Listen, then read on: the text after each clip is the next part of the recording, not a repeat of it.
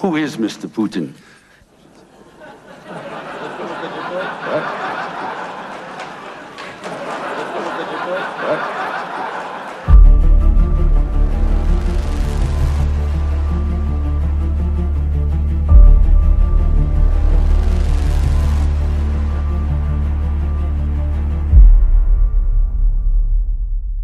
impeeriumi lõpp.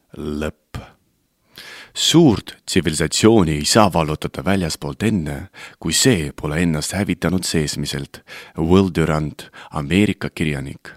ootamatult ja aimamatult on Vladimir Putini ajastu lõpule jõudmas sõltumata sellest, mismoodi stsenaarium edasi ei areneks, on raske ette kujutada, et tsiviliseeritud maailm sooviks Venemaaga taas läbi käima hakata seni, kuni praegune president on Türil ja vaevalt ka Venemaa kodanikud ise andestavad talle need teod, mille tõttu nad leidsid ennast ühtäkki harjumatult ebamugavast olukorrast, kusjuures kõikides elusfäärides.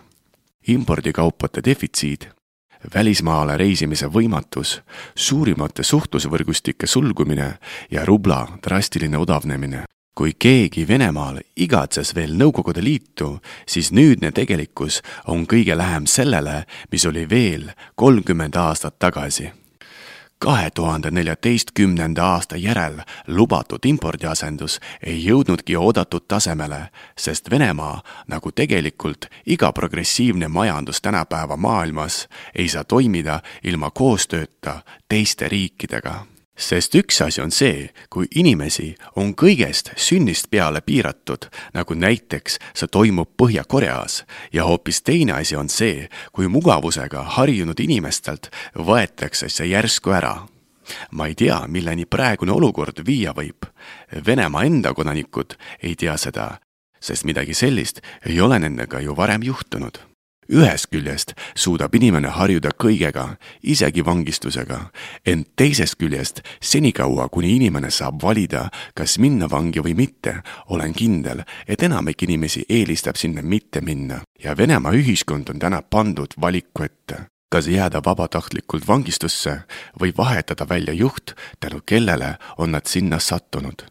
Vladimir Putin, kes kunagi oli Peterburi esimese ja ainsa linnapea Anatoli Sobtšaki nõunik, elab presidendina, riigiliidrina oma viimaseid päevi. ausalt öeldes ma ei tea, mis peaks juhtuma, et terve maailm unustaks korraga ära kõike selle, mis on ta teinud, milliseid sõnu on ta Ukraina aadressil öelnud ja milliseid ebainimlikke käske andnud. see Venemaa, millisena me teame teda täna, seisab kadumise serval ning ma tahan uskuda, et selle riigi kodanikud omandavad Hitleri Saksamaa kodanike sarnaselt lõpuks oma kõige kibedama õppetunni ja mõistavad, et impeeriumite aeg on ammu läbi et täna peab üüratu olema elatustase, aga mitte riik ise.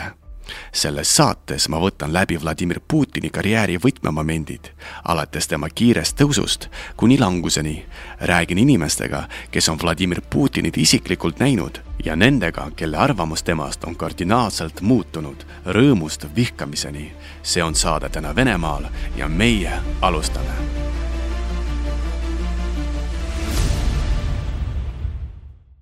episood üks, algus.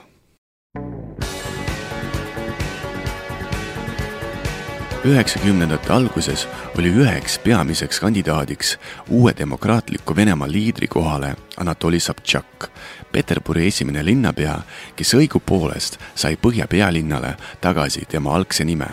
Sobtšak oli tõeline intellektuaal, teadusdoktor ja väljapaistev oraator lõi agaralt kaasa demokraatlikule Venemaale uue põhiseaduse koostamises.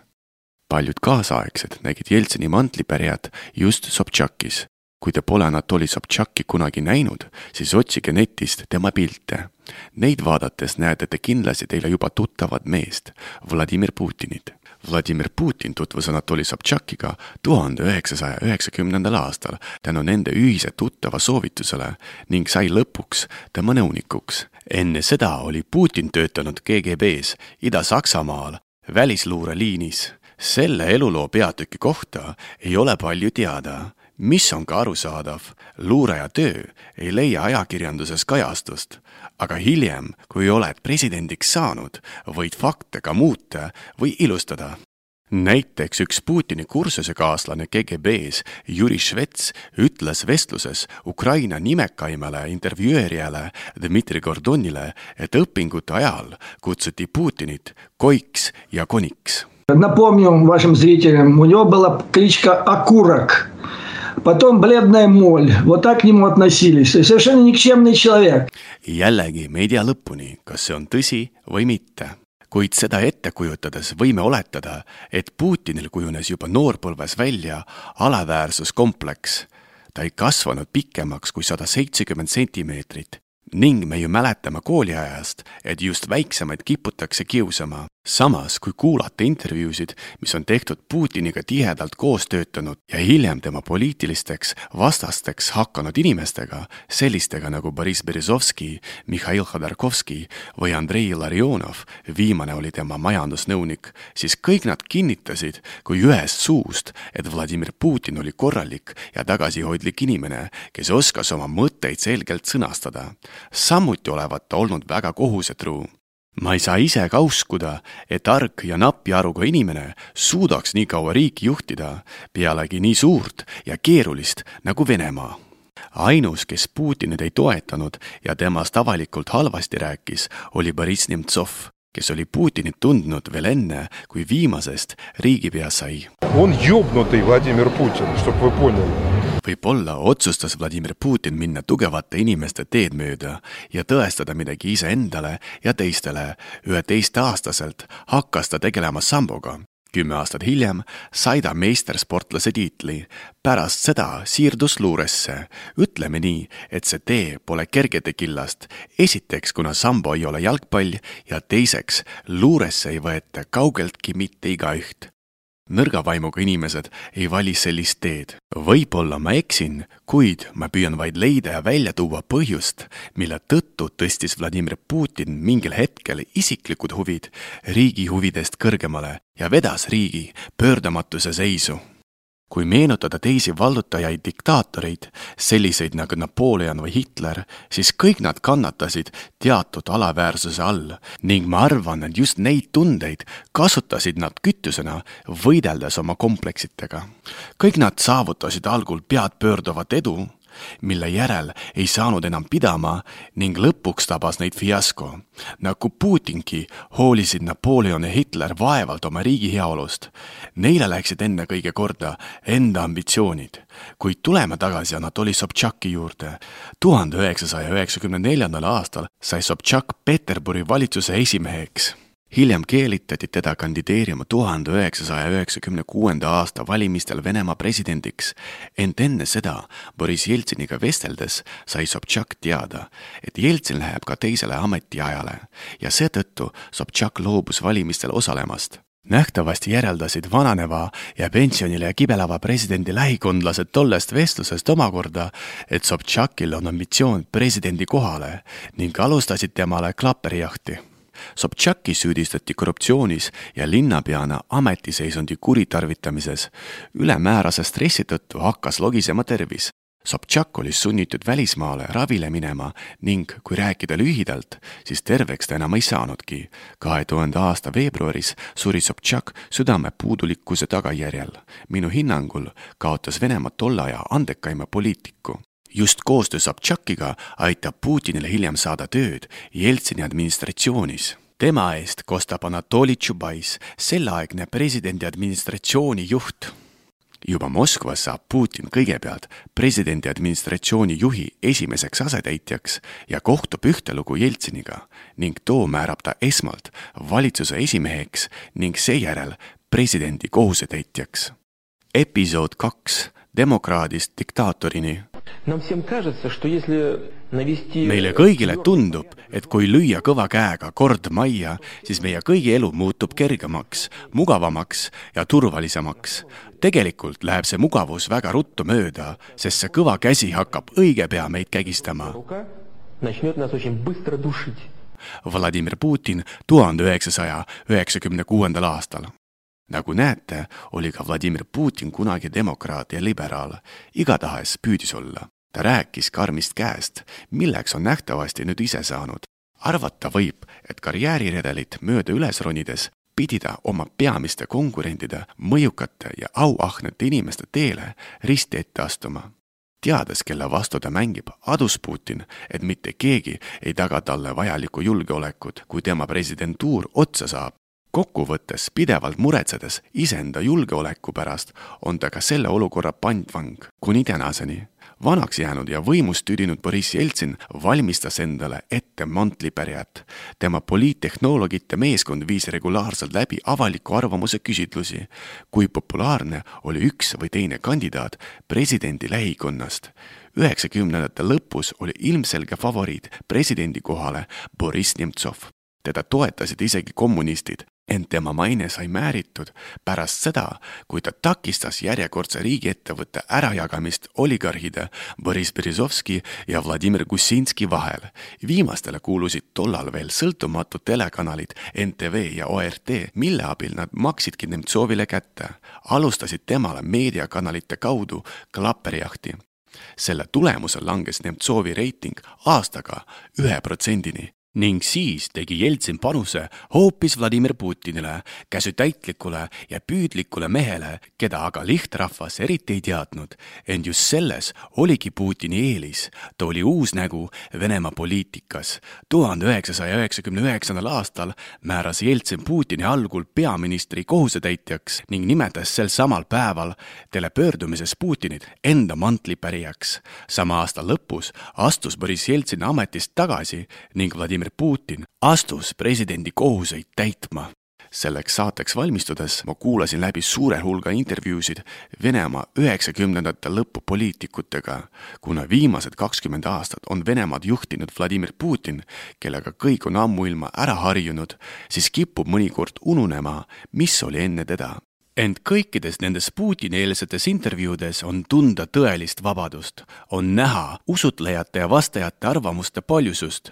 tollesse aega sukeldudes tajud päriselt, et Venemaa püüdis kõigest väest saada tõeliseks demokraatiaks koos talle omaste vigade ja konarustega seda süngemana paistab kogu selle tajutava vabaduse taustal Vladimir Putini süsteemse KGB-lase figuur, kes poetas täpselt ja monotoonselt oma repliike sellest, mis on nüüdsel Venemaal valesti ja mida ta plaanib selle muutmiseks teha vaevalt oskas keegi tollal arvata, kui lõpmata kauaks Putin võimule jääb ja kuhu ta lõpuks oma riigi viib. Putini valitsemisaeg on kestnud tollest hetkest kuni tänaseni ja kui väga ma ei tahaks pisendada tema teeneid ja praegusi tegusid, ei saa ma teda kuidagi nõrgaks liidriks nimetada tema õlule kuhjub korralik taag, elumajade õhkulaskmised Venemaa eripaigus, teine Tšetšeenia sõda, uppunud allveelaev Kursk, terroristlikud rünnakud Beslanis ja Moskvas Dubrovka teatrimajas. pisut hiljem, kahe tuhande seitsmendal aastal, peab ta Münchenis oma kuulsa kõne, jagades maailma taas idaks ja lääneks. just sellest kõnest saab alguse tee uue külma sõjani, seejärel lokaalse konfliktini Gruusiaga, Krimmi annekteerimiseni sõjaolukorrani Donetskis ja Luhanskis, reisilennuki MH17 allatulistamiseni, oma peamise poliitilise oponendi Aleksei Navalnõi mürgitamiseni ning seejärel juba täismahulise sõjani Ukrainas Vladimir Putini saatuslikuks veaks võis saada see, et ta otsustas impeeriumi taastada ajal, mil impeeriumite aeg on ümber saanud. sellist välksõda, nagu võttis ette Natsi-Saksamaa Nõukogude Liidu vastu, ei õnnestunud läbi viia ning kogu maailm on koondunud Venemaa agressiooni vastu. teisisõnu, Vladimir Putin eksis, tegi vale ärvestuse või on lihtsalt vormi ära kaotanud. kui ta poleks Ukrainale kallale tunginud, võinuks ta veel aastaid kogu ülejäänud jäänud maailma pinges hoida ning nautida jätkuvalt maailma ühe mõjukaima inimese staatust, kelleks on teda tituleerinud sellised ajakirjad nagu The Time ja Forbes. Meile teiega jääb vaid pealt vaadata, kas Vladimir Putin vajutab punasele tuumanupule või mitte. Tahaksin öelda veel paar sõna Boriss Nemtsovist, sest peale seda, kui võim on kõik peamised riiklikud massimeediakanalid endale allutanud, ei ole Nemtsovi nimi praktiliselt üldse kõlanud jah, paljud teavad, et oli kord selline opositsionäär, kes töötas Boriss Jeltsini aegses valitsuses, kuid mitte rohkem ent olles üheksakümnendate Venemaa poliitikat piisavalt palju uurinud, mõistan ma, et Boriss Nemtsov on tänapäevani üks tolle aja tugevamaid poliitikuid Anatoli Sobtšaki järel ning tema presidendiks saamise korral võinuks Venemaa olla täna sootuks teistsugune riik. Boriss Nemtsov oli aateline inimene, äraostmatu, oma ala tõeline fänn, tohutult energiline, ta armastas oma riiki ja ei kavatsenud sealt kunagi lahkuda episood kolm, Ristisa. tugev liider ümbritseb ennast temast targemate inimestega. sellised olid Boriss Jeltsin ja Anatoli Sobtšak, kes kutsusid oma meeskonda Vladimir Putini. Putin seevastu on sisuliselt kogu oma karjääri jooksul ümbritsenud ennast inimestega, kelle taustal ta paistab mõjusamalt. Malealused ütlevad, et osavamaks saamiseks tuleb mängida tugevama vastu. Senikaua, kuni Vladimir Putin rühkis üles, pidi ta mängima tugevatega, ent pruukis tal vaid presidendiks saada, kui algas kõikide vähegi kaalukamate oponentide kõrvaldamine. Boris Berezovski oli sunnitud emigreerima Suurbritanniasse, kus hiljem suri. Mihhail Hodorkovski saadeti kokku klopsitud kohtuasja abil aastateks trellide taha Boriss Nemtsov, Putini suurim konkurent enne Aleksei Navalnõid, lasti maha kahe tuhande viieteistkümnendal aastal Moskva südalinnas ning mürgitamisest imekombel eluga pääsenud juba mainitud Aleksei Navalnõi istub hetkel vangis pikaaegne tõelise konkurentsi puudumine, nõrgade isiksuste ja tallalakkujate seltskond veenis Putinit tema kaugelnägelikkuses ja eksimatuses ükskõik mis küsimuses lõpuks hakkas soovitu mingil hetkel paistma tegelikuna. Putin hakkas enda erilisse missiooni liiga tugevasti uskuma ja libastus. Berezovski on meenutanud, kuidas kord Putiniga kirikus käies kohtasid nad seal isekeskis sosistavaid memmesid üks oli Putinile osutanud ja teisele öelnud, näe, noor tsarevitš.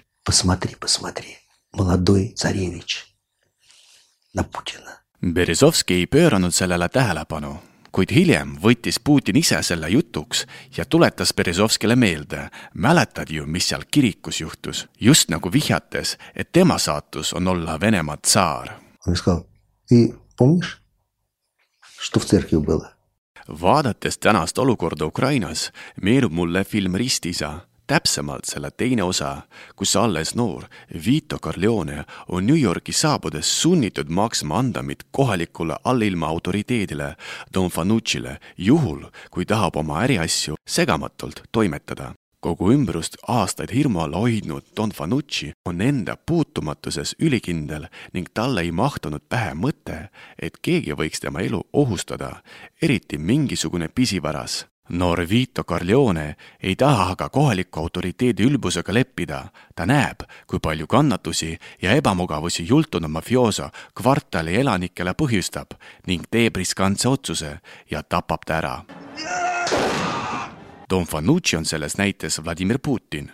noor Vito Corleone on aga Ukraina ja Ukraina rahvas, kes ei löönud agressorit kartma, ei nõustunud tema pilli järgi tantsima, vaid otsustas enda eest seisma ja kaitsma seda, mida peab kalliks. nii nagu Vito Corleone muutub kohaliku autoriteedi tapmise järel oma naabruskonna elanike jaoks kangelaseks, nii on ka Ukraina nüüd kangelane kogu maailma silmis, näidates, et see julge riik ei kavatse leppida oma diktaatorliku naabri jultumuse ja karistamatusega imestan, kui täpselt oskavad mõned inimesed tulevikku ennustada, enamasti teevad seda kõige paremini kirjanikud või luuletajad, kuid antud juhul on tegemist silmapaistva inimesega, kes on seotud Eestiga, Tartu linnaga. tema nimi on Džohar Dudajev. ta oli esimene ise hakanud Tškeeria vabariigi ehk Tšetšeenia president. kuulake, mida ta ütles ühes intervjuus tuhande üheksasaja üheksakümne viiendal aastal, aasta enne oma surma. Крыму еще будет бойня Krimmis tulevad veel tapatalgud. Ukraina läheb veel Venemaaga karvupidi kokku. niikaua, kuni russism eksisteerib, ei loobu see oma ambitsioonidest.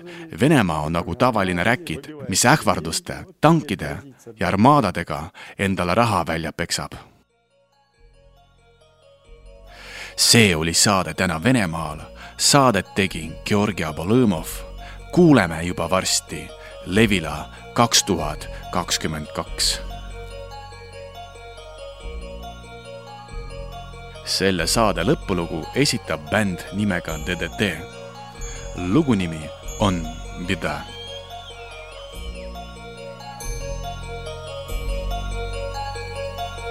Выросли перья у тощей земли, Серая грязь от луны до креста Затопила дома, как кошмарные сны, Как голодная шлюха после поста Реки утюжит ветер-каток Из сучьев вылазит зеленый свист.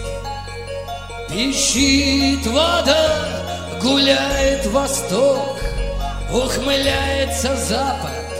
Контрабандист Навалилась беда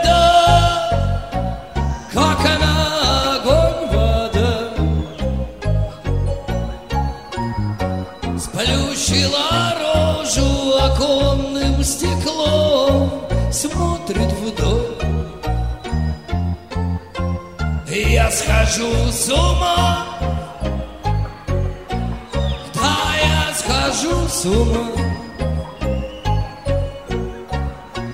Я завесил все окна тяжелым сном.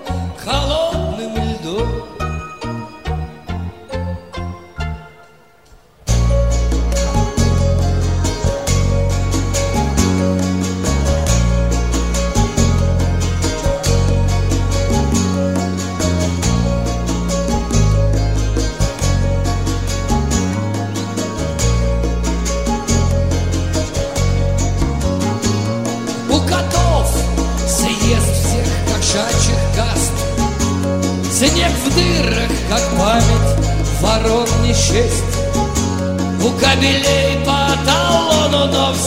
сука, не даст. Оттаяло все, и любовь, и месть. А я не рад теплу, я разлюбил рассвет. И я сижу в темноте, шевелю рукой. И мне кажется, что меня уже нет. Потому что тебе, тебя нет со мной. Навалилась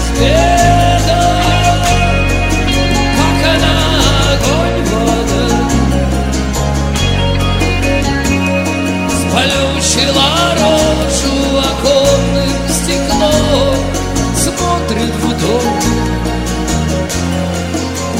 я схожу с ума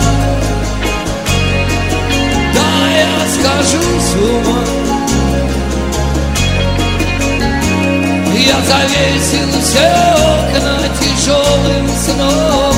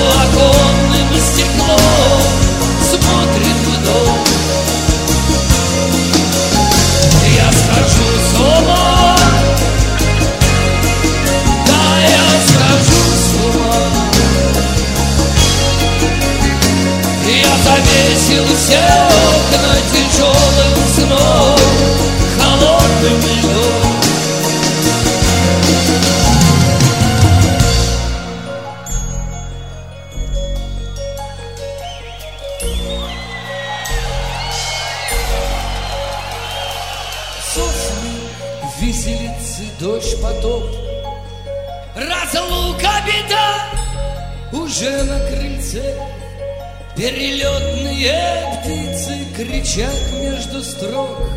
Я стираю глаза на своем лице. Мне они ни к чему, ведь тебя больше нет.